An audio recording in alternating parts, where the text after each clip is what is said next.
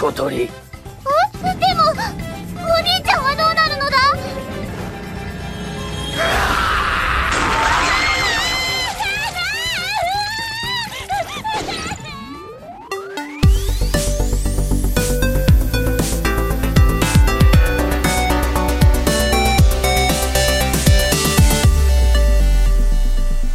Halli hallå och eh, hjärtligt välkomna till Fulkultur.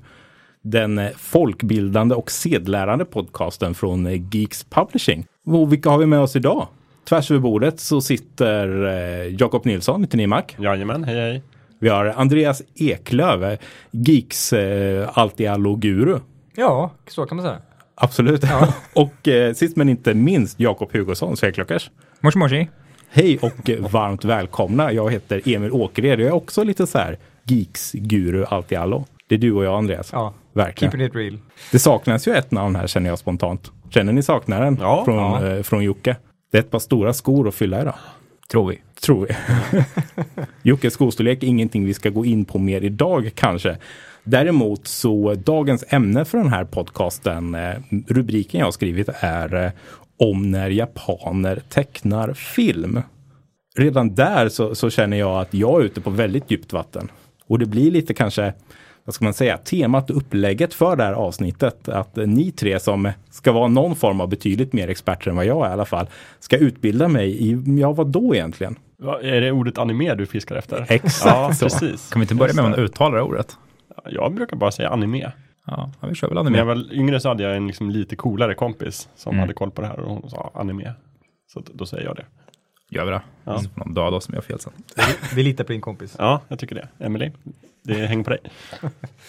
För jag har väldigt svårt redan där känner jag med det här ordet. Så att jag har gått runt hela veckan och testat lite olika uttal och sneglat på er och ser hur ni reagerar.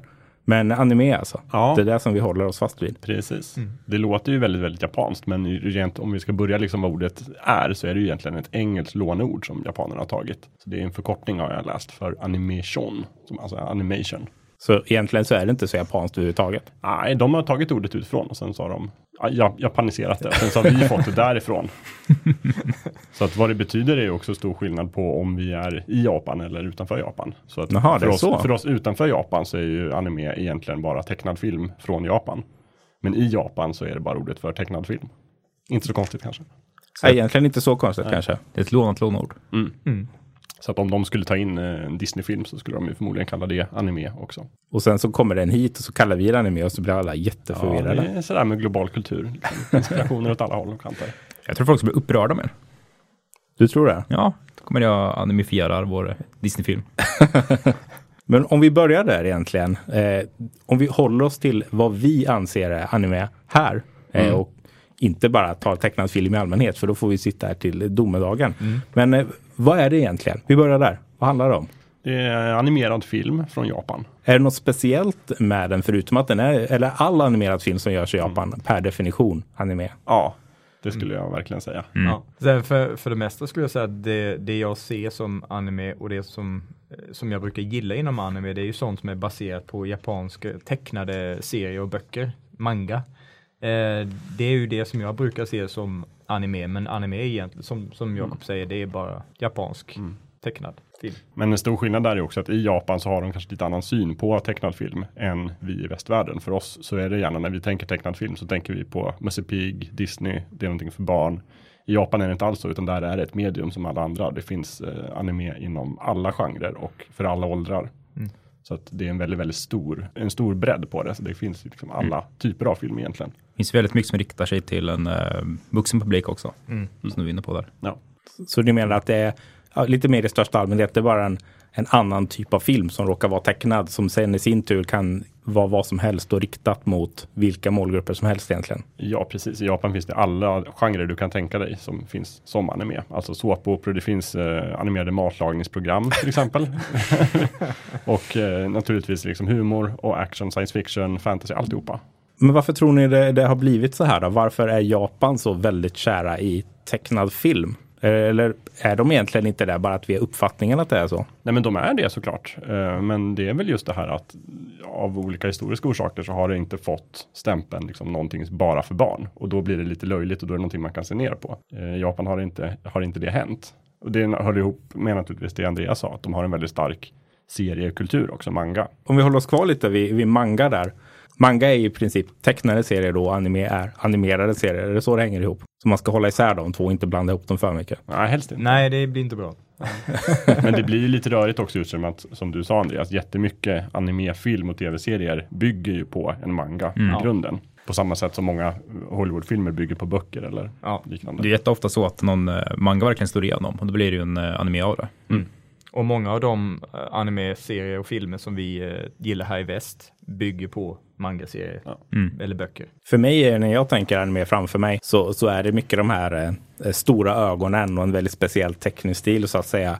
Är det också någonting som verkligen hör till genren eller är det också bara ett allmänt uttryck för japansk tecknad film? det är en del av genren skulle jag säga. Det är inte den enda delen. Men, men det blir lite så här också när ett medium från ett land får liksom fäste i andra länder. Så tar man gärna liksom några utmärkande drag av det. Och då blir det mycket de här eh, som är liksom ett sätt i Japan att teckna för att få mycket ansiktsuttryck och så. Så är det stora ögon och små munnar. Men, men all manga och all anime är inte nödvändigtvis så. Utan det finns alla typer av grafiska stilar också. Jag skulle säga att det Emil nyss beskrev som är det mest uh, i särklass vanligaste. Ja, inom vissa åldrar i alla fall. Eh, jag det kanske mest i lägre åldrar, läst att det är mest för lägre åldrar. Så för då, det, man, I Japan kan man också skilja det genremässigt i, inte bara i vilken genre det är till innehållet, utan också vilken åldersgrupp det är riktat till. Och för liksom lite yngre människor så är det väldigt vanligt med, med stora ögon och uttrycksfulla ansikten och så här lite gullig stil. Mm. Och det går ju i perioder där också. Eh, det, ibland är det väldigt vanligt och sen eh, kommer perioder när det är så mörka, lite mer realistiska Ja, serier är mer populära och sådär. Så att det är ju som med, med alla eh, konstformer och branscher att det går i vågor. Så om man tar något eh, konkret till exempel, säg att eh, Nalle Puh, den här gamla klassiska serien som gick i eh, 500 avsnitt när vi var halvsmå, om det skulle vara gjort i Japan, då skulle det ändå vara anime, fast inte så som vi, vi känner igen det, men rent tekniskt så skulle det vara det. Det skulle det absolut vara. Du har ju ett bra exempel där, nämligen Mumintrollen.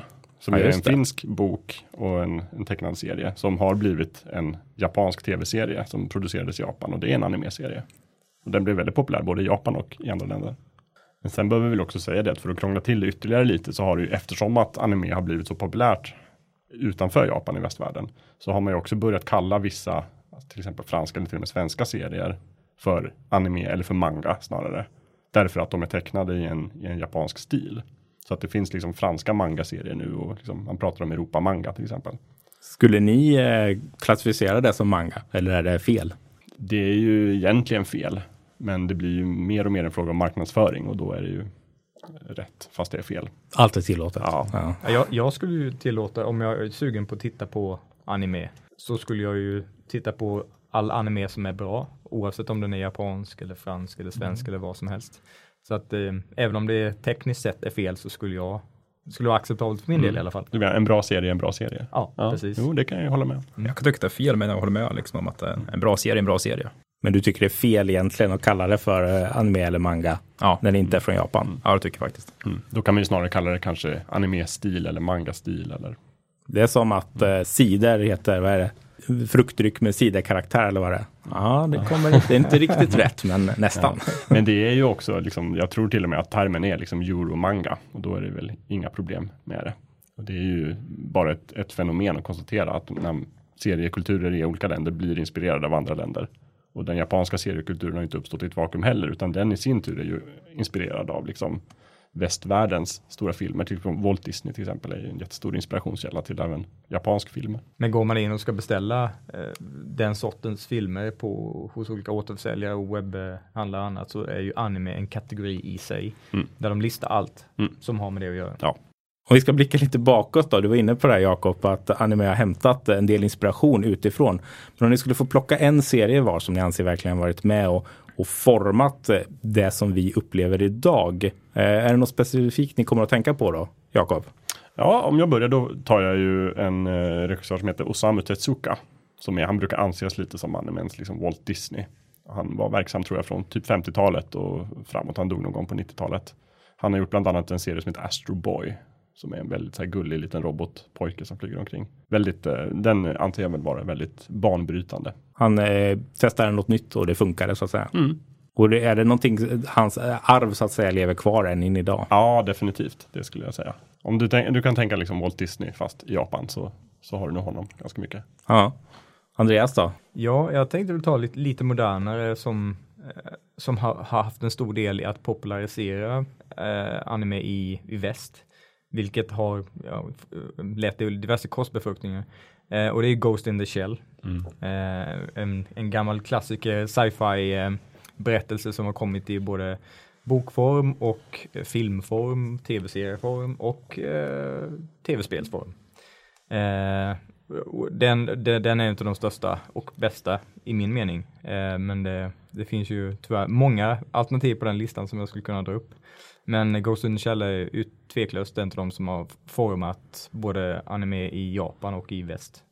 Eh, Ge lite exempel. Vad, vad går serien ut på? Vad, vad är det man kan förvänta sig så att säga? Eh, det handlar ju om, lite, lite som eh, vi är inne på, eh, det med virtual reality. Och att polisstyrkan i framtiden eh, får använda sig av eh, robotar och virtual reality eh, system för att bekämpa brottslighet. Eh, svårt att gå in på, på detalj utan att börja mejsla ut hela handlingen. men men, men om, man, om man gillar jag gillar sci-fi, virtual, koncepten virtual reality, stora robotmesh, eh, skapelser och liknande så, eh, så, så den är väldigt välberättad. Om man, om man tänker på filmerna och tv-serien så är det väldigt välberättat, snyggt ritat eh, och en intressant sci-fi handling. Om man tittar lite mer generellt, för det du beskriver nu, det är, det är lite anime för mig. Hur mycket jag uppfattar det och vad jag, det som jag har sett. Beskriver det genren i stort? Finns det mycket sånt eller är det som ni var inne på innan, mer, att allt finns så att säga och det här bara råkar vara mycket av det som letar sig hit? Jo, alltså allt finns, men just, just det här med stora robotar är ju en, en definitiv tydlig, en genre, en in, egen genre inom anime. Det som, det som man kallar mecka, alltså typ stora robotar och människor i robotdräkter och artificiella intelligenser. Och, Och där finns ju också många, alltså många exempel på stora anime-serier som, eh, som har också blivit, fått en viss popularitet i väst. Eh, min favorit är ju Neon Evangelion Genesis. Så är det fel ordning. Jaså? Neon Genesis Evangelion. Ursäkta. eh, som är väldigt bra. Och eh, gamla klassikern Robotech också. just det. Som, eh, som jag skulle rekommendera att man kollar upp om man gillar anime, mecka anime. Jakob då, sitter du på någon eh, sån här klassiker som du känner att det här ska man verkligen inte missa, att det har varit väldigt viktigt för, för genren? Eh, jag är faktiskt väldigt lite ett fan av eh, själva mecha-genren överhuvudtaget. Och eh, för mig så är Neon Genesis Evangelion en av de stora sidorna för mig. Och den revolutionerar även genren på sitt sätt när den kom, för den ändrar liksom hela genren från slöa, långsamma robotar till att varit väldigt mycket mer fast-paced i strider och så vidare. Det var till startskottet för att utveckla genren på det här sättet. Det blir lite mer action av det helt enkelt. Ja, det som kom innan, vad blir det, 94, 95 och bakåt, väldigt, tempot finns inte överhuvudtaget i princip. Ja, det finns ju just en känd serie som heter just Robotech som var en av de första som gick i USA. Det är väl också stora robotar med mycket långsammare tempo än Mm. Genesis. En annan serie jag tycker om det är ju Gundam Wing och den kom ju ett år, ett år tidigare. Och det är liksom en stor kontrast på hur eh, själva mecha-genren var före och efter. Och det, är den betydligt lugnare då menar du och betydligt mera? Väldigt mycket lugnare. Nej men det var liksom, innan, innan där fanns inte tempot så jag, därför är det väldigt svårt att kolla på äldre mecha anime-serier. Och de har ju ofta väldigt, väldigt japansk stil i dialog och handlingsberättande som kanske för västerlänningar är lite, lite svårt att smälta. Mm. Eh, och eh, det var ju det som eh, Evangelion gjorde så mycket som annorlunda, just att det, det uppar både tempot i, i striderna men även i, i liksom dialog och handlingsberättande så, på ett som är lite lättare att ta till sig för en västerlänning skulle jag säga. Ja, den är väldigt, eh, det är så många genrer som ingår i den serien, men den är väldigt psykologisk också. Mm. Jag sträckkollade den första gången, eh, från start till slut Mm. på ett dygn. jag var helt mosig i skallen efteråt.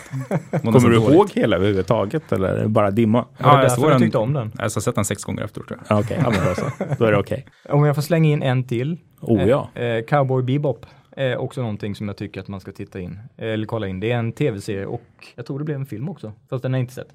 Men i alla fall tv-serien är väldigt, väldigt bra och väldigt, det, det är också så här eh, en kombination av diverse, eh, diverse genrer. Man kan närmast beskriva som en, en sci-fi västern äventyr. Lite som, eh, som animevärldens eh, Firefly kanske. Ja, typ. Typ. Man följer så här, prisjägare som eh, eh, Eh, ska utföra uppdrag åt eh, den eh, nya världsordningen när vi har börjat befolka andra planeter för vår, vår planet är inte längre tjänlig. Då är man då cowboys som de här prisjägarna kallas och man utgår från, eller de utgår från ett, ett skepp som kallas Bebop. Oh. Eh, och väldigt starka karaktärer, väldigt väl beskriven. Eh, eh, alltså handlingen eh, förs fram på ett väldigt intressant och unikt sätt. Eh, så det, det tycker jag också är en, en ganska unik och stilbildande serie som jag tycker att om man är intresserad av anime eh, milstenarna inom anime så ska man kolla på den. Är det några mer när vi ändå pratar eh, klassiker här? Några andra som ni tycker att det här får man inte missa om man ska ge sig in i det här? Ja, ska man kolla, liksom börja från noll så tycker jag också att en film som måste lyftas fram är ju Akira. Som är Mm. kanske den, den långfilmen som verkligen gjorde att västvärlden fick upp ögonen för det här med anime och tecknad film från Japan. Eh, Den är ju otroligt stilbildande. Bygger också på en manga från 82, men jag tror filmen är från 88 eller någonting sånt där. Och det är en eh, postapokalyptisk sci-fi actionfilm. Utspelar sig någonstans i typ Tokyo efter tredje världskriget.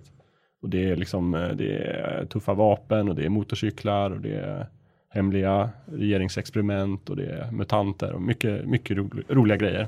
Väldigt bra film. Ja, Mm. väldigt tvistad handling också. Mycket så här, vad, vad händer? Jag vet inte. Men det, det, det är faktiskt ett rätt bra ställe att börja på för att eh, ofta när man pratar om anime så är det serier liksom. Ja. Men Akira är ju en film som inte, den är inte så jättelång heller liksom. Nej, nej, det var den jag började med faktiskt. Det kan jag rekommendera. Så- Eller då som sagt första Ghost in the Shell-filmen är ju nästan lika välkänd som Akira. Men de två tror jag är liksom de, de bra startpunkterna på om man vill se den typen av anime i alla fall. Det vill säga typ sci-fi, mycket datorer och robotar och sånt. Vi kommer tillbaka till det hela tiden här känner jag. Ja. Sci-fi-biten. Det, det märks eh, vilken typ av personer det är som sitter här. Att vi, vi gillar det här med tekniken del Ja. alltså. Ja, om vi skulle lyfta fram något som inte är sci-fi så är väl Ninja Scroll någonting som, eh, som är väl värt att, kolla in också. Lite, lite svärdfighting och eh, ingen sci-fi att finna.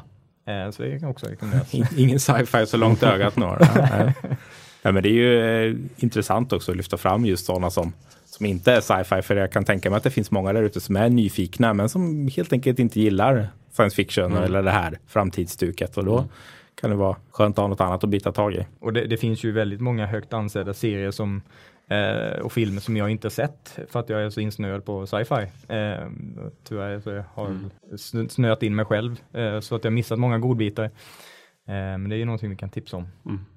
Och sen är det väl också så här att den typen av anime som, som sprids i västvärlden är mycket beroende på vad vi i västvärlden tycker att tecknad film ska vara. Och då blir det gärna de här åldersgrupperna, typ unga killar. Det blir ofta science fiction och det blir ofta action. Men i Japan så finns det ju som sagt hela genrer som är riktade till till exempel unga kvinnor eller till eh, vuxna kvinnor. Det finns en genre till exempel som heter shoujo som är just för unga kvinnor. Där är det mycket mera fokus på eh, Sailor Moon till exempel är ett sånt exempel som har gått på svensk tv. Men Sailor Moon var ju tungt censurerad i Sverige. Ja, ja precis. Ja. Eller vi har en genre som heter Josei som är då mer riktat för vuxna kvinnor och där är det mycket fokus på liksom det handlar om familjer, det handlar om utbildning, det handlar om eh, förhållanden, det är väldigt komplexa karaktärer och det, det är oftast inte sci-fi eller robotar. De smyger in Ja. lite ibland. Ja, men däremot finns det varianter som är mycket skräck av någon anledning. Så här, så det blir någon sorts skräckserie. Så Ja, men de är det faktiskt finns- rätt bra. Ja, de är jättebra. Sen har ju faktiskt eh, barnserier smugit sig över till väst också. Pokémon och Digimon Ja, och allt de det. heter. De har ju visat på svensk tv, TV4 eller något sånt där har ju sänt dem i olika Mm. omgångar. Så att eh, det, det har ju faktiskt också slagit igenom här. Ja. Ja visst, och, och Dragon Ball bör man väl nämna också. Mm. Som var en av de första liksom, manga-serierna som släpptes i Sverige. Men det är också en tecknad animefilm då. Eh, Jag har faktiskt alla böcker från eh, när de släppte Dragon Ball i Sverige. Det är ju eh, 42 stycken. Så jag, varje månad de släppte ny så gick jag och köpte den. Just det. Det var väl också de, det som var intressant med dem var att de gavs ju ut på det klassiska sättet i Japan att läsa serier, nämligen från höger till vänster. Mm. Så man började i slutet av boken och läste åt fel håll. Även i, i den svenska lanseringen. Då. Aha, vad spännande. Mm. Jag undrar hur många som gick på den minan så att säga. Ja, men de hade instruktioner också hur man gjorde. Så att Mm, lite så här undrar om det hjälper. Av erfarenhet kan jag säga att ja. Ja, min farmor som köpte några av dem kallar dem för baklängesböcker. Ja, precis. Men det är, för det är en ganska stor utmaning om man inte ska göra så, så måste man ju spegelvända alla bilderna. Mm. Ja, så just det blir det. mycket, mycket efterarbete. Men en grej som jag märkte är på efterhand är rätt dålig med den utgåvan. Att eh, det är typ utgåvan som är översatt från japanska till tyska. Och sen från tyska till svenska. Så namnen är helt off i boken. Jättedåliga översättningar. Ja, de tappar helt eh, meningen från originalet och blir bara konstigt. Alltså det märks att det är översatt i två omgångar liksom. Det bästa är väl också när, eh, kan jag tänka mig, när personer som är översättare snarare än insatta i vad det handlar om eh, ska översätta, kanske framför allt japanska som väl är ett ganska komplext språk, att det kan bli intressant där också. När vi är nu inne på det, ni har pratat lite om, eh, om anime i Sverige nu. Eh, hur ser det ut egentligen? Det har ju gått en del på tv och sådär, men dubbar man det oftast eller är det textat? Och, ja, hur, hur fungerar det där? Alltså när de, de första från 80-talet och så, så var det ju dubbat. Det finns ju en eh, tecknad serie för barn som heter Star Singer till exempel. Som var en av de första serierna som dubbades till svenska. Det som är intressant där är att de översatte, det finns 24 avsnitt i Sverige som är dubbade på svenska av liksom 73 avsnitt. De dubbade inte alla, utan de dubbade de första eh, 22 och sen så tog de de två sista i slutet av serien. Så kollar man på den i Sverige så är det för det första är det en ganska dålig serie upptäcker man ju när man är vuxen. Eh, och för det andra så gör den ett enormt stort hopp. Det bara händer massa slutet. Det har grejer. hänt jättemycket saker. Så att, eh, det är lite intressant. Men, men på den tiden så var det ju dubbning. Annars tror jag en sak som har betytt mycket är just det här med internet. Att eh, fans gör egna så kallade fansubs och liksom själva översätter japanska serier och så kan man ladda ner undertexterna. Och Pokémon och sånt som går på svensk tv, det är ju svenska röster. Ja, precis. Ofta inte så mycket textat tror jag när det går på tv utan oftast då dubbat. Ja. Hur ligger det till i allmänhet? Går det mycket på tv eller måste man köpa det eller fixa det på några nättjänster eller hur fungerar det? Alltså när det gäller de här tecknade serierna som går på tv, det är väl mest de här stora Pokémon och Mm. Digimon och liknande. Men sen så har ju, känns det som Netflix, eh, jag har dålig koll på HBO och de andra, men Netflix har ju en del egenproducerade serier, anime-serier som, som eh, finns tillgängliga. Eh, den senaste som jag kommer på nu är ju The Seven Deadly Sins, men det finns fl- fler än den. Eh, Deras första var väl Knights of Sidonia. Just det, så var det den hette precis. Men eh, i alla fall det, det, fin- det finns egenproducerat material där också. Eh, men, men där är det ju inte översatt eh, till svenska utan där är det eh, engelskt, engelskt tal och eh, svensk text. Engelskt tal alltså. Oh yes. Ja, hur ligger det till med det? Är det vanligt att det blir engelskt tal av det så att säga eller vill man helst ha det japanska originalet med text? ja. Alltså det, jag, finns ju, det finns ju två skolor där men eh, jag, jag föredrar japanska, eh, japanskt tal, men det är på grund av att i USA så är det 99 av 100 fall så är det ju svindåliga röstskådespelare de väljer ut. Det är ju helt, helt skevt liksom med karaktären de ska spela också. Ja, och det är också en utmaning att, att dubba eftersom att jag vet inte, berättarstilen i Japan är så annorlunda mot vad man är van vid. Så att just att, att sitta som en amerikansk eller svensk röstskådespelare och, och försöka liksom leverera samma känsla som den tecknade japanska figuren är inte helt lätt. Så att jag föredrar absolut att, att ha japanska ljudet på och sen gärna text då. Nej, men det är typ som att de har någon pool av eh, 45-åriga män som ska spela 10-åriga åringar liksom. liksom verkligen den känslan jag får ja, de få gångerna jag råkar liksom på engelska. Och även sådana produktioner där de verkligen lägger ner mycket krut. Till exempel Disney har ju distribuerat alla långfilmer från Studio Ghibli som är en av de stora japanska eh, animerade företagen. Även där, där de liksom verkligen har en bra uppsättning röstskådespelare och lägger ner mycket energi på det. Det är väldigt välgjorda dubbningar. Så blir det inte lika bra liksom. Undrar om det är också att vi i Sverige är lite allmänt, eh, ja men vi är lite känsliga för dubbning, men det är vi ju verkligen. Om man ser våran tv-tradition här är betydligt mindre dubbad än säg Tyskland där de fortfarande väl dubbar typ allt som går på tv. Jag menar Terminator, när man har sett Terminator på tyska en gång, alltså det, det, Där har de ju liksom speciella skådespelare som bara dubbar till exempel Arnolds röst. ja, Så de har, de har en egen Arnold-variant liksom. Jättekonstigt att dubba Arnold också som ändå är från området. Är österrikare från början. Ja, ja, en liten sido, sidospår där, men det kanske har, hänger ihop med det också att vi är helt enkelt lite känsligare för sånt här eh, jämfört med kanske resten av Europa också. Alltså ett annat sidospår som är relaterat är ju, jag tycker om mycket japanska RPG-spel. Och de är också, det allra mesta vi får hit till Sverige är ju dubbat till engelska. Men jag föredrar ju japanska röster där också för att eh, det är exakt samma problem som i eh, anime, att de väljer ut så jävla dåliga skådespelare. Så att, eh, det är typ som att de försöker inte ens göra något bra av det. Eh, Nej men det, det kan jag hålla med om. Det brukar jag också i de spelen som faktiskt tillåter japansk eh, tal så brukar jag aktivera det och sen eh, engelsk text istället. Det, det är alltid att föredra. Eh, ett, eh, ett undantag till det här kan ju sägas att Cowboy Bebop som jag nämnde tidigare. Där har faktiskt de engelska röstskådespelarna gjort ett riktigt bra jobb. Vilket inte tillhör det vanliga. Så det är bara en, en liten sido, sidoanteckning där. Om vi ska eh, zooma in lite och fundera. eh, Vi har pratat en del om olika serier och sådär, men om ni skulle fokusera på någon karaktär. Finns det någon karaktär i någon serie som ni känner att den här, den här personen eller saken, om det nu är någon form av robot, är någonting som verkligen man inte får missa om man ska ge sig in i det här. Jag skulle vilja lyfta fram just, vi pratade om Ghost in the Shell tidigare, det är en av mina också absoluta favoritserier, liksom tv-serier och filmer och allt, jag tycker de är jätte, jättebra. Där är det just den här polisstyrkan då, Section 9, som det handlar om. De har eh, en, nio stycken tror jag det är, robotar som de använder ute på fältet. Som ser ut som små spindelliknande stridsvagnar ungefär, stor som en, en buss ungefär. Eller en minibuss. Eh, de är väldigt härliga. Skön personlighet, barnslig och, och nyfikenhet och sådär, fast de är liksom tuffa poliser och robotar. de heter Fuchiko- Fuchikomas eller Tachikomas beroende på vilken serie man läser. Så eh, spindelrobotar alltså. Och de, har ju, de är ju artificiella intelligenser så de har eget medvetande. Men varje, varje natt så, eh, så synkas de ihop med varandra så att de delar varandras minnen och erfarenheter. Så det leder till en del liksom förvirring då, att de, eftersom de har olika personligheter. Så ibland så minns de saker fast det stämmer inte riktigt med. De reagerar på olika sätt då på deras minnen. Det är komplexa figurer. Väldigt alltså. komplexa. Mm. Men väldigt glatt humör och härliga personer. Och de har gjort egna kortfilmer också bara om de här Fuchikumas. Om, eh, om man ska glida över till lite mer allvarliga saker så att säga. Eh, en del av uppfattningen runt Adime, eh, speciellt i Sverige och eh, i allmänhet i väst kan jag tänka mig, det är just att men det, är lite, det är lite gubbsnuskigt och det är mycket, det är mycket korta kjolar och lite tveksam kvinnosyn och sådär. Och Det är ju så diskussionerna går kan man sammanfatta det. Hur ser ni på det? Hur känner ni för det? Ni som ändå har tittat på en del. Ja, alltså, jag ska säga, när jag var yngre så störde jag mig inte på det. Men då var jag å, å andra sidan en tonårsgrabb. Eh, nu när jag tittar på det i, i, på äldre dagar eh, så får, får jag faktiskt erkänna att jag stör mig en del på det, när det, det. För det är ofta överdrivet sexistiskt i många serier. Långt ifrån alla, det finns många mogna och seriösa och lite mörkare serier som inte alls är eh, perviga. Men det, det är tyvärr vanligt, framförallt bland lite, lite äldre serier så, så är, tillhör det det vanliga.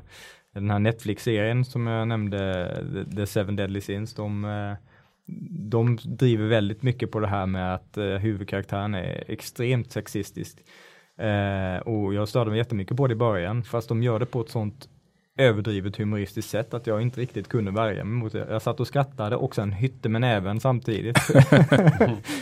men, men ja, det, det är tyvärr, det, beroende på vilka, vilka serier och filmer du tittar på så är det fortfarande relativt vanligt. Jag vet inte om jag stör mig på det så mycket, mest på att jag uppskattar det inte överhuvudtaget. Jag har vänner som, som kollar på mycket och ja, jag narrar mig för jag inte tycker om samma, har inte samma smak som dem helt enkelt. Nej, för jag är ute som eh, Andreas var inne på här, det här, de här mörka och mer seriösa serierna. Jag har jättesvårt för de här lite mer, ja, med barnslig ton och med mycket fanservice som det kallas då.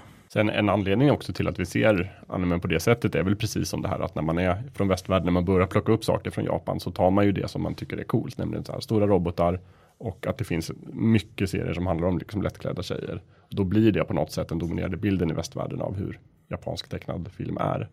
Eh, och det är en stor del av det, det är sant, men det finns också som sagt jätte, jättemycket som inte alls är särskilt sexistiskt. Eh, Och som sagt, det finns jättemycket bra exempel på jätteintressanta, komplexa kvinnliga karaktärer som jag inte ser i till exempel västvärldens eh, filmer generellt. Det är bara, råkar vara den typen som tyvärr har slagit igenom till viss del i västvärlden och satt lite prägel på det helt enkelt. Ja, plus också att visst det är liksom Japan som samhälle är vä- väldigt annorlunda mot vårat. Och det finns en, en typ av sexism där som, som kanske är dominerande på ett annat sätt. Men det är inte det enda som finns utan Tror ni japanerna själva de ser det på, på samma sätt så att säga? Eh, generell japan. Jag vet inte, men det jag har hört, bara liksom just det här eftersom att tecknade serier är så pass dominerande så finns det som sagt alla genrer och det finns ju även liksom eh, pornografi som är tecknat, alltså hentai som vi kallar det här, som är liksom bara en, en porrgenre som alla andra. Där och för oss så blir det väldigt exotiskt och väldigt japanskt att det skulle finnas liksom tecknad pornografi. Så det är värt att tillägga där om, eh, det finns inga direkta gränser där. Alltså, man säga, lagar som gäller otecknad porr existerar ju inte på samma sätt där, utan det är ju verkligen allt tillåtet, till och med sånt som är väldigt tabubelagt. Så bara för det är tecknat så, så Alltså- gäller inte samma lagar helt enkelt. Jag tror inte det liksom är fel, eller jo det är ju det, men det ty- tycker jag då, men att ha med barn i sådana filmer liksom. Det är på den nivån liksom, det finns inga, finns inga gränser direkt. Utan bara Ja, let det, your mind go. och det är väl en typisk en sån grej som eh, säkert får fäste i västvärlden mer än eh, andra grejer kanske och då upplevs som mer framträdande än vad det kanske egentligen är. Det var väl ett ganska uppmärksammat rättsfall i Sverige för några år sedan. Ja, just det. Med någon, någon serietecknare som hade mycket alltså, ja- japansk manga-material på sin dator. Som då blev, enligt svensk lag blev klassad som barnpornografi så att han åkte dit för det. Liksom. Jag tror att han blev frikänd sen till slut. Men eh, det var sådana grejer är rätt spännande att, att tänka på och fundera på. Vad det, får, vad det har liksom för rättsliga betydelser. En lite kulturkrock också där. Ja, det är lite definitionen av kultur. Jag menar, även om man bortser från rätt och fel, så just själva grejen att, att det blir så här, men mm. 17 ska man göra med det här då? Men sen är det ju också så att i och med att alltså utbudet om man vill titta på eh, eh, bra, mörkare, lite mer mogen, seriös anime i väst, eller i, om man tittar på i Sverige, det är inte sådär jättebra. Eh, då är det ju lätt att det blir de här stereotypiska bilderna av ja, japanska anime för att vi, vi, får, inte- vi får inte tillgång till så mycket annat som kan eh, motbevisa den bilden. Eh, vi har tittat lite på, eh, på olika så filmtjänster, hyrtjänster och, eh, och även hos åter, återförsäljare och e-handlare. Och det, det, det är inte jättebra utbud av, av anime i allmänhet. Och framförallt inte de här lite mer obskyra, seriösa, mörkare varianterna. Tyvärr. Så det blir lite självuppfyllande nästan. Ja, faktiskt. Du var inne lite snabbt på Studio Ghibli förut, eh, Jakob, och det har även vår kollega Magnus här varit och bankat på mig om att det måste ni prata om. Eh, som jag har förstått väldigt trendsättande, väldigt stora, väldigt viktiga. Absolut, väldigt viktiga och de är väl också en av de liksom, exemplen som verkligen har fått en bred spridning i väst tack vare att Disney plockade upp eh, några av de tidigare Ghibli-filmerna och sen har de genom avtal då distribuerat de här filmerna. Men det är ju en av Japans absolut största och mest liksom, respekterade animationsstudior. Inte minst då genom, eh, vad heter han, Hayao Miyazaki som är deras mästerregissör då. Tidigare som ligger bakom några av de absolut bästa och största animefilmerna. Ge lite exempel. Eh, den som verkligen fick spridning var väl Spirited Away. Mm. Som eh, är väl, jag tycker inte, inte min favorit, men det är helt klart en fantastisk film. Men det var väl en av de första från Studio Ghibli som slog i väst. Ja. På riktigt. Ja, och sen har ju Disney liksom eh, distribuerat de tidigare filmerna efteråt då, så att säga, när den slog igenom så. så vi har till exempel Min granne Totoro som är jättekänd. Och, Den har till och med jag sett. Den har du är sett, ni. men då Den har du sett anime. Jag vet att det är med en kattbuss. Ja, och han, han har ett paraply. Just det. Ja. Ja. Och Totoro är ju också, han är ju maskoten för hela Studio Ghibli. Så Det är han- så det ligger till. Titta, där tappar ni mig igen. Och då fick jag ny information. Det är jättebra. det. Eh, och eh, Levande slottet är ju en annan populär Eh, Ghibli-film. Eh, och Ghibli de har till och med blivit så populära så att de har med, de får göra vi, eh, de tecknade sekvenserna till spel. Som Nino Kuni, ett eh, spel till Playstation 3 och Xbox 360. Eh, väldigt, eh, väldigt bra eh, spel och fantastiska animationer från Studio Ghibli. Och där ser man ju också verkligen om man kollar på, bar, man kan bara ta Miyazakis filmer. De har gjort många fler filmer än bara hans. Men om man bara ser dem så är det ju en otrolig bredd i vad de handlar om. Det är väldigt många olika teman och genrer. Från liksom postapokalyptisk science fantasy till ganska liksom jordnära berättelser och liksom magisk realism och egentligen rena sagor. Det finns alla möjliga genrer. Men ändå på något sätt med likartat tema. Men det är en studio som fortfarande är verksam. Vi pratar mest om äldre grejer nu, men det Oh ja, produceras den är fortfarande fortfarande. verksam. Nu har Miyazaki har ju sagt, han har i och för sig sagt det efter nästan varje film han har gjort, att nu är det med den sista jag ska gå i pension.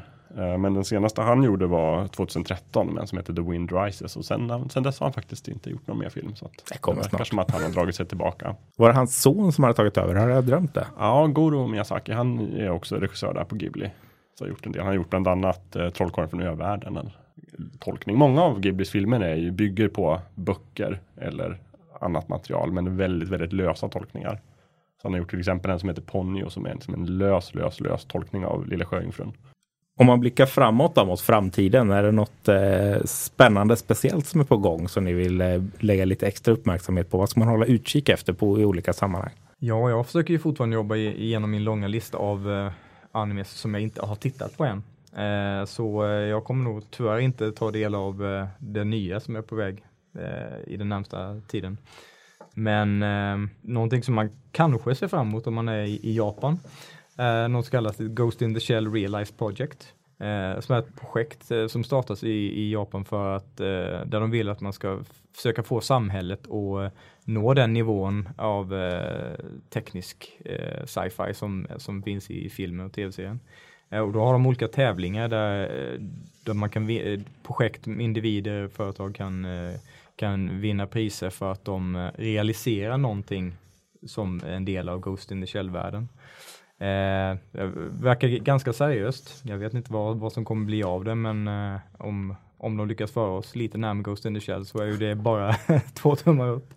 Det låter som någon eh, väldigt skruvad variant av X-Prize liksom. Ja, Det, det, det? är inte en odelat positiv bild de framställer i Ghost in the Shell. Så Nej. eh, det är ändå efter tredje världskriget och mycket brottslighet och sånt där. Så att. Ja, Jag tänkte mer på tekniken. Ja, jag vill jo. inte att allting som händer i Ghost in the Shell ska Nej. hända. Men också det, så här diskussioner om vad som är, om man liksom byter ut alla sina del, kroppsdelar mot maskindelar, vad är kvar? Liksom, det är en, en ganska genomgående diskussion i Ghost in the Shell. Mm. Så att det kan ju bli intressant att uppleva den i verkligheten. Precis, var sitter mänskligheten? Ja? Mm. precis. Spännande. Mm. Ja, Jag, jag höll på att säga att det ser vi fram emot, men kanske inte. Det beror lite på. Alltså. Med försiktig entusiasm. ja, men precis.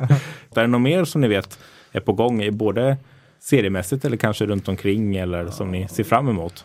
En sak man kan nämna är väl det finns en eh, serie som heter Attack on Titan som jag precis har börjat kolla på som jag tycker är riktigt bra.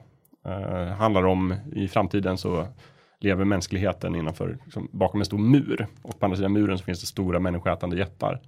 Och så är det liksom konflikten mellan dessa två då. Jättebra serie och den har blivit eh, live actionfilm faktiskt i två delar. Mm. Som jag tror har haft premiär i Japan men inte kommit liksom till, till västern men som kommer att få biopremiär i USA snart. Mm. Så den kan man ju kolla upp, det finns en trailer och så att titta på. Mm. Om man nu liksom tycker att det är lite för avancerat att titta på tecknad tv-serie så kan man titta Alltså, på den av lite, mina- lite dummare Hollywood-versionen. Det är faktiskt en av mina favoritserier och just med live action-filmen. Eh, Jag tror första delen släppt och jag har inte hört så mycket positivt om det. Nej, Men ofta när de gör live action av anime så blir det ju dåligt. ja, det fanns väl, vad hette den här då? Den var ju i och för sig ingen ren eh, tolkning av anime, men eh, Pacific Rim var väl också en sån här, bygger lite på anime-estetiken med stora robotar och så. Gaijin. Den Men- eh, en- filmen är ju eh, Mm. den är intressant. Mm. Det är väldigt lökig. Ja. ja, det blir lätt lökigt och det är väl också en anledning från början till att man gjorde mycket av science fiction tecknat eftersom att då går det faktiskt att visa de här stora rymdskeppen och robotarna på ett trovärdigt sätt. Mm. Som aldrig skulle gå att göra en otecknad tv-serie. Men en, en serie jag tycker de har lyckats gjort, de har gjort ett bra jobb med att göra till live action, det är ju eh, Rurouni Kenshin. Den, den utspelar sig, när är det egentligen? Men det är mell- me- mellan två olika eror i, eh, i Japan i alla fall. Okej. Och eh, den är en jättebra serie om man tycker om eh, ja, japansk, ska man säga, samurajkultur överhuvudtaget kanske. Eh, en annan sak som vi ser fram emot är ju att det kommer en ny Ghost in the Shell-film. Eh, jag tror det är 2017 som är satt på den. Eh, och eh, ja, vi vet inte så mycket mer än att det ska vara, det är en ny Ghost in the Shell-film. Som, eh, som jag hoppas blir bra. Mm. Eh, för det är som sagt en av de stilbildande och bästa eh, anime-serierna jag har sett. Filmerna jag har sett. Men är det den som bara kallas Ghost in the Shell, the new movie? Ja, precis. Ja, just. Fantasifullt. Mm. Värt att nämna där kring Ghost in the Shell är att det är ofta Även om det finns, liksom, det finns en långfilm och så finns det en uppföljare till långfilmen och så finns det en tv-serie. Men alla har egentligen en ny story. Så att det är samma grundkoncept. Men det är inte direkta uppföljare till varandra utan de börjar ofta om och liksom berättar samma historia fast på ett lite annat sätt. Är det samma karaktärer som återkommer då? Ja, mer eller mindre samma karaktärer med, med lite olika utseende och personlighet och sådär. Men i det stora hela är det liksom samma, men det är så här reboots varje gång egentligen.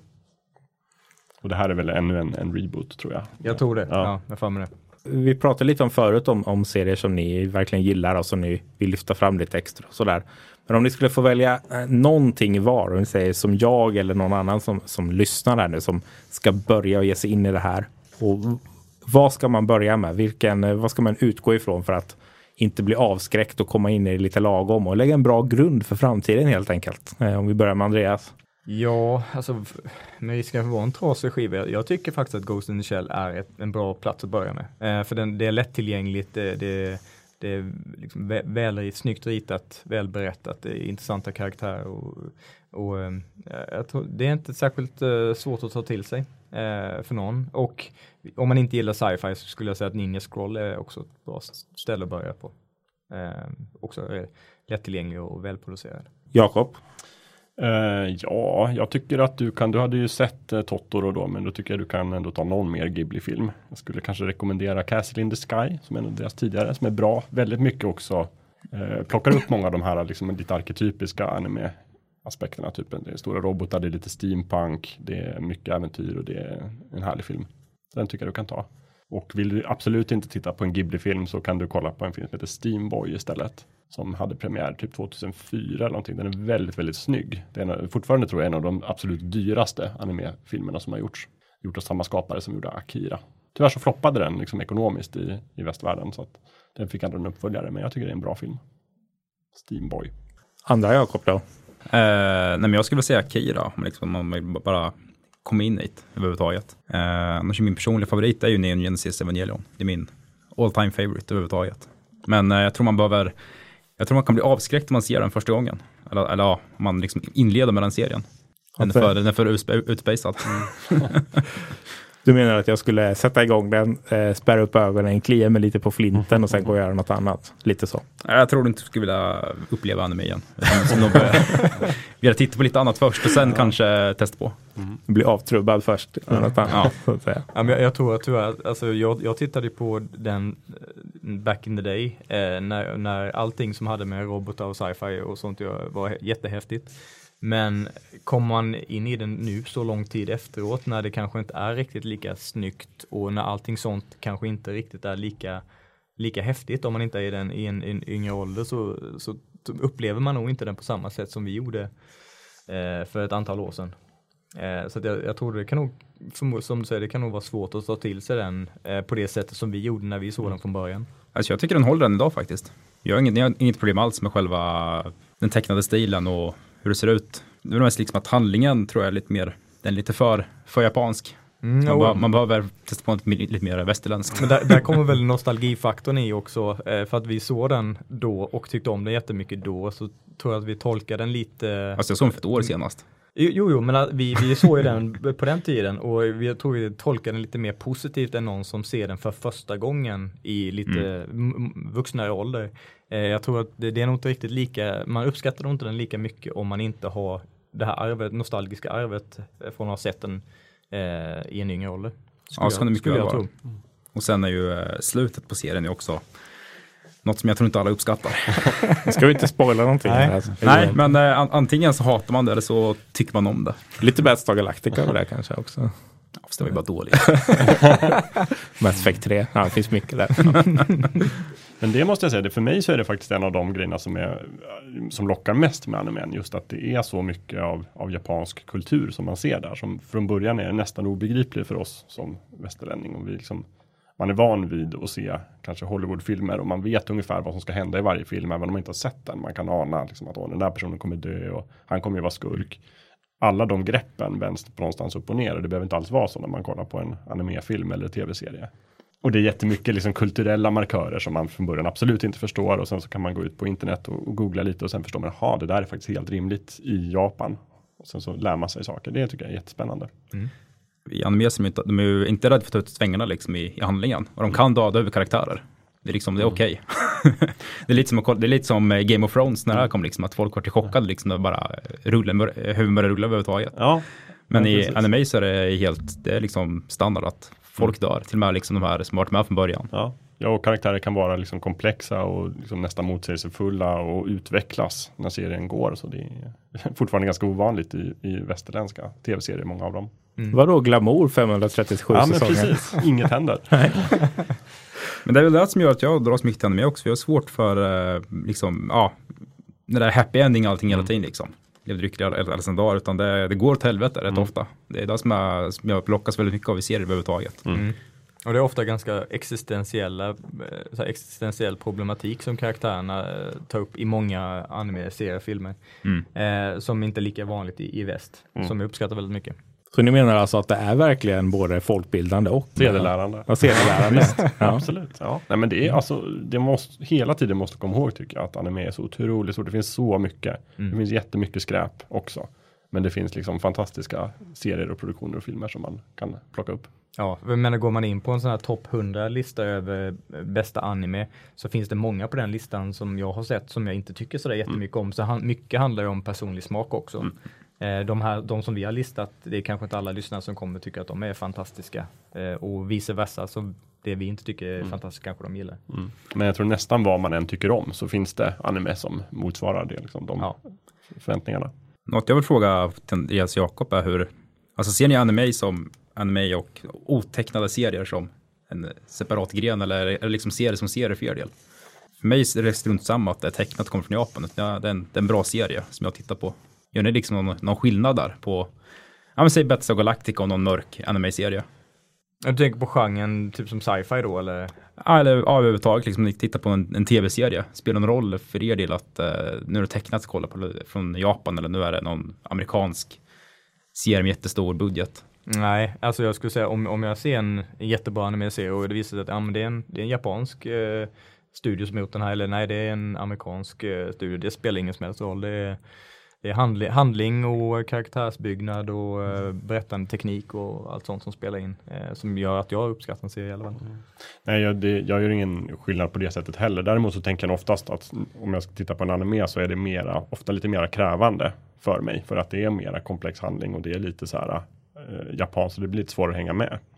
Eh, så det är nog mera så att jag känner, nu vill jag kolla på någon lite mera liksom, matig serie. Än bara liksom, död underhållning. Och då väljer jag en, gärna en anime-serie. Men just där att det är tecknat har ingen liksom, betydelse. I Japan så heter ju just genren, det finns ju, en- den heter ju tokusatsu som är liksom otecknad genre i tv egentligen. Så, så de, de har verkligen en, en genre som är otecknad tv-serie. Alla de här liksom, egentligen västerländska serierna, typ Doctor Who och, det Glamour. Flash och Glamour. ja men det är inte Glamour tror jag, det är liksom just, just med specialeffekter och just den typen av, Aha, jag ja. vet inte vad vi kallar det i västvärlden, men liksom allt från liksom Lost och de, alla de här serierna, de skulle gå under liksom tokusatsu. Ja, vi ska väl börja avrunda här så sakta, men innan vi gör det så är jag absolut nyfiken på att ni har ändå sett en hel del alla tre, men är det någonting ni känner att det här, det här måste ni se, det här ser ni fram emot att titta på? Mm, ja, så, som jag är inne på tidigare så har jag en jätte, jättestor backlog av eh, anime-serier och filmer som jag skulle vilja se. Eh, jag kan bara nämna några av dem. Eh, Death Note och Full Metal Alchemist eh, eh serier och filmer som, som jag har hört jättemycket gott om men som jag inte har tagit tag i överhuvudtaget än så länge. Eh, och eh, Hunter x Hunter är en annan som jag har hört mycket gott om, eh, som jag inte tittat någonting på. Eh, och Helsing, eh, en annan populär och som Jakob gillar ju Attack on Titan, har jag inte sett. Eh, så det, Den måste du se. den måste jag se. Ja, det finns, det finns inget alternativ där. Den borde väl Emil också se. Jag åker på den också alltså. Ja, Ja, Alltså Emil har ju indirekt sett den. Han eh, hånade mig när jag kollade på planet. just det. Jag Jag har sett, kontext förra eh, året. jag har sett delar av den. Eh, Just det, det har du rätt i. Så jag är, jag är redan insatt, jag kan allt nästan. Jakob då, sitter du på några? Eh, alltså jag har ju någon sån här långvarigt projekt om att jag skulle vilja titta på en riktigt fläskig sån här robotserie. Så att det verkar ju som att det blir Neon Genesis Evangelion då som jag måste ta mig igenom. Mycket bra val. Ja. När jag var liten såg jag den här liksom Robotech-serien som hette, den gick lite i Sverige. Den var så förvirrande för att där är det egentligen, det är också en sån här typiskt exempel på hur de anpassat den för västern. Att det är egentligen tre stycken japanska tv-serier som de har klippt ihop för att få upp tillräckligt många avsnitt så att de kan liksom sända det på amerikansk tv. Så, men då kallar de det Robotech i, USA. Men eh, jag skulle vilja se någon riktigt helgjuten sån då, men Neon Genesis Mm. får det bli. Tummen upp. De har gjort en, eh, en remake på den också. Oj. Det var typ, eh, om jag minns helt fel nu så var det typ serien som var tänkt att vara från början. Ja. Så det är som en, eh, en miniserie med fyra filmer. Så det är fyra delar då. Men jag tycker absolut att du borde se den gamla först. För den är en riktig, riktig klassiker som jag älskar. Annars då Jakob, funderar du på någonting som du känner att det här måste du ta tag i, det här har du missat? Ja, eh, nu när Andreas har hyllat Ghost in the Shell så måste jag ta tag i Ghost in the Shell. ja, det måste du faktiskt göra. Nej, sen är det ju, eh, ja men sen på Netflix, de har ju börjat in jättemycket eh, serier vi var inne på f- förut också. Mm. Så uh, Night of Sidonia är ju en sån här grej som jag ska se framöver. Så fort jag är färdig med How I Met Your Mother. Det, det är annorlunda. Ja. Ja. Skulle man kunna göra How I Met Your Mother som en anime? Om det inte redan Oh ja. finns liksom. Eh, Alltså, det skulle ju någon verkligen funka. finns definitivt. Ja. skulle vara kul att ta fram. Spännande, allt finns alltså. Ja. Barney Stinson. Med sådär stora svettdroppar och eh, teskeds stora ögon. Ja. Nas- Näsblod också. Ja, just det. sen, sen eh, kan jag nämna en annan som, eh, som jag skulle vilja se, inte för att jag tror att den är särskilt bra eller har hört någonting bra om den. Jag tycker bara titeln är, låter rolig. Eh, det, det, titeln är It's wrong to try to pick up girls in a dungeon. Och när jag såg det tänkte jag den här måste jag ju se, bara för att. Ja, förr eller senare. Ja, precis. Ja, nej, för min del då. Jag har ju fått eh, massa uppslag här nu vad jag ska ta tag i. Men eh, just eh, Ghost in the Shell har det pratats om eh, väldigt mycket. Inte bara här nu utan i allmänhet på kontoret i evigheter nu tycker jag. Så det känns som att det kanske kan vara ett, ett bra första steg för mig att ta tag i. För jag måste ju ge mig in i det här. Jag är ju, jag är ju lite outsider här alltså måste jag säga. Jag tror jag kan jag vara den enda som aldrig någonsin har tittat på något sånt här ordentligt på, på hela kontoret. Det kan vara så illa. Mycket möjligt. Ja, det är dags att göra någonting åt det helt enkelt. Men det har varit väldigt eh, mysigt att ha er här. Jag har blivit eh, väldigt utbildad. Och ni som lyssnar, jag hoppas att ni, eh, att ni gillar och uppskattar det. Gå gärna in, lämna lite betyg på iTunes, lyssna på andra avsnitt och så vidare. Vi kommer som vanligt slänga med en mer eller mindre komplett litteraturlista. Idag har vi pratat om så otroligt många grejer så vi får väl se om allt kommer med. Men jag hoppas att vi ska få med flesta grejer i alla fall. Där ni kan läsa mer och gräva ner vidare olika rekommendationer och så. Så eh, får jag tacka så jättemycket för oss. Så eh, avslutar vi där.